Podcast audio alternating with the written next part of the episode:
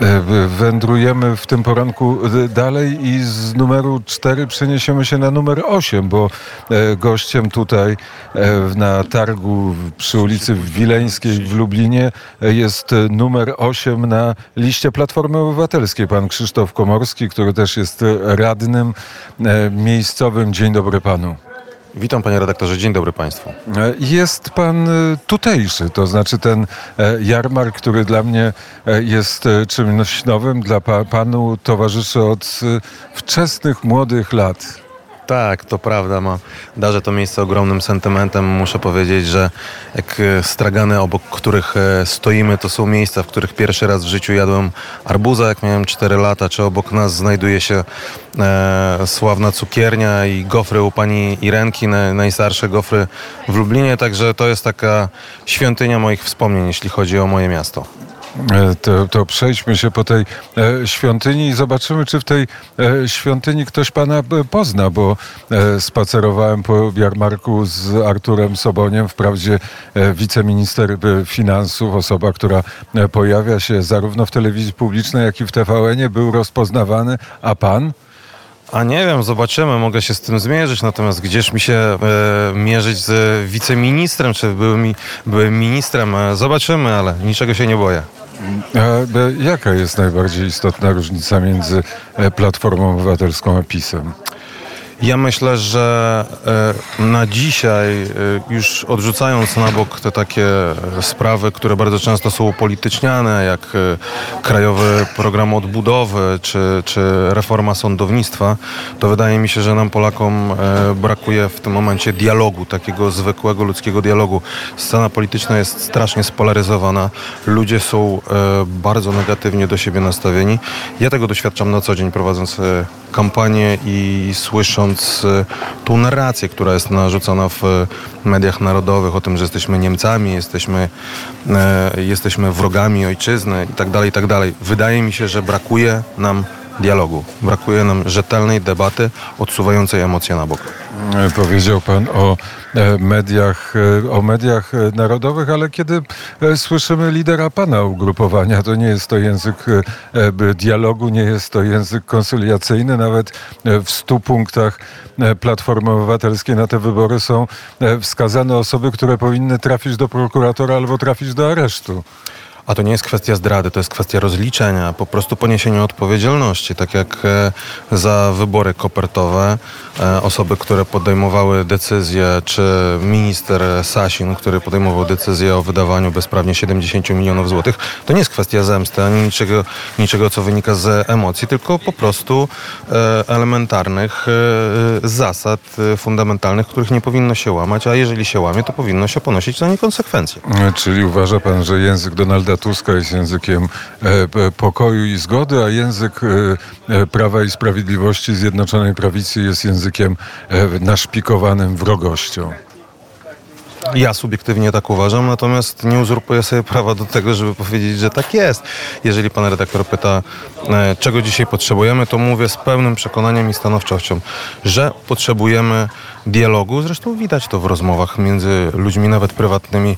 Dogadują się, dopóki e, temat rozmowy nie schodzi e, na tematy polityczne lub deklaracji, e, na kogo się będzie głosowało. I wszystko jest dobrze, wszystko jest pięknie, dopóki się nie, nie zaczyna wypowiadać tych magicznych słów Platforma albo PiS. E, to, e, to prawda, że ludzie, e, ludzie nawet tu, tutaj w sklepie mięsnym od razu rozgrzała dyskusja, kiedy weszliśmy. Była osoba niezdecydowana, była osoba zdecydowana, żeby głosować na Prawo i Sprawiedliwość i była osoba zdecydowana, która będzie głosować na Platformę Obywatelską. Dwie różne narracje, dwa różne, dwa różne plemiona. Pan by chciał należeć do jakiegoś trzeciego. Nie, ja nie chciałbym do żadnego trzeciego. Ja mam się za człowieka odpowiedzialnego, mam się człowiek, za człowieka, który jest e, w pewnych e, obszarach kompetentny, ma coś do zaproponowania. Wiem, dlaczego kandyduję, wiem, dlaczego chcę się znaleźć w polskim parlamencie e, i wiem, czego na chwilę obecną najbardziej potrzebujemy. Tak uważam i, i, i, i wiem, co mam do zaproponowania, dlatego, dlatego staram się w tej kampanii ludzi do tego przekonywać. No, czego teraz najbardziej potrzebujemy?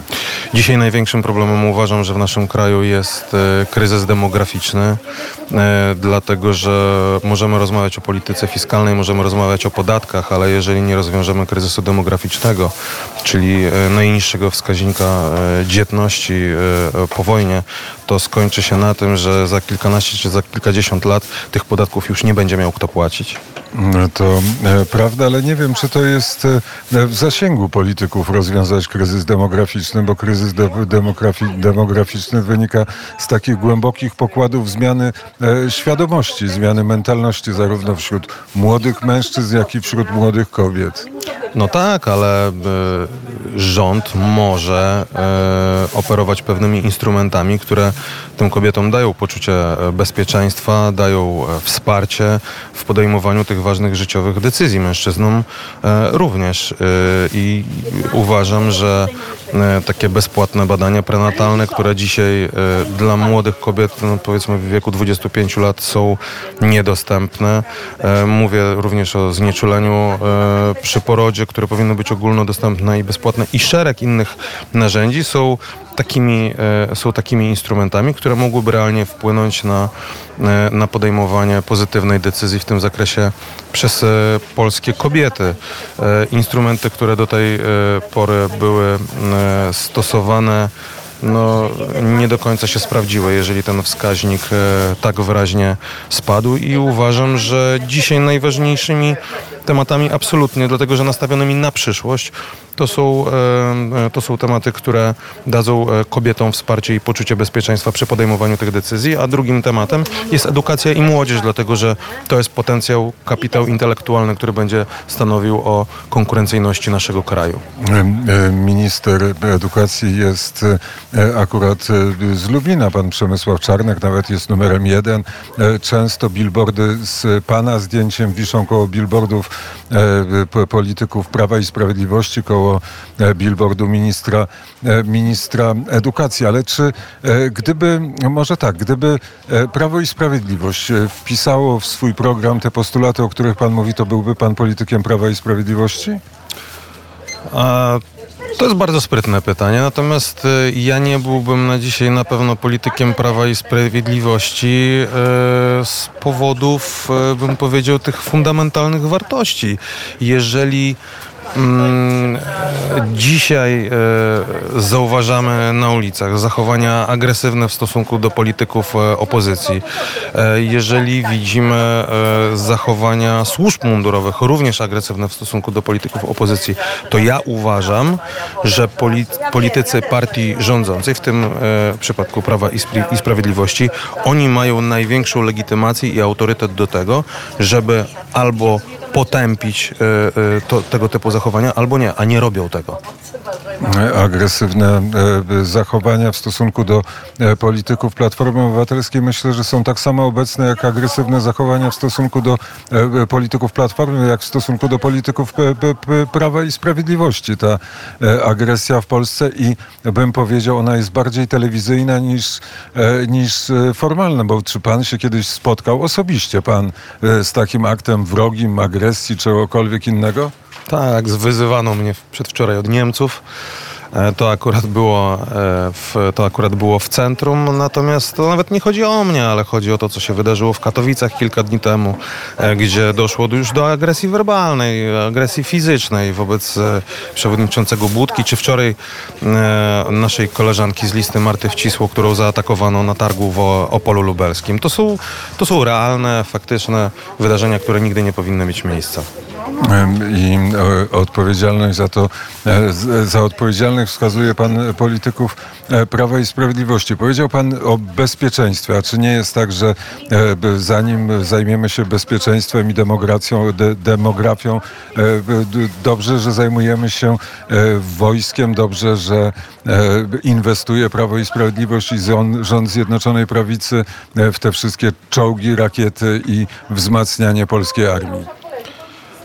Inwestycje w e, polską armię zawsze są dobre, zawsze są e, dobrą decyzją, e, jeżeli są dobrze zaplanowane, jeżeli to jest nowoczesny i przyszłościowy sprzęt, na pewno się pod tym podpisze. Natomiast chyba pan redaktor zgodzi się, że nie możemy chyba mówić o wielkim poczuciu bezpieczeństwa, jeżeli komendant policji e, strzela z granatnika we własnym gabinecie. Jeżeli e, rakieta e, przelatuje przez połowę naszego kraju i nasze służby nic o tym nie wiedzą, czy białoruski śmigłowiec wlatuje w naszą strefę powietrzną bez żadnego problemu, to mnie to poczuciem bezpieczeństwa nie napawa. A, I żeby było jasne, na pewno nie kwestionuję i nie będę kwestionował żadnych e, nakładów na polską armię. Uważam, że to są akurat dobre decyzje.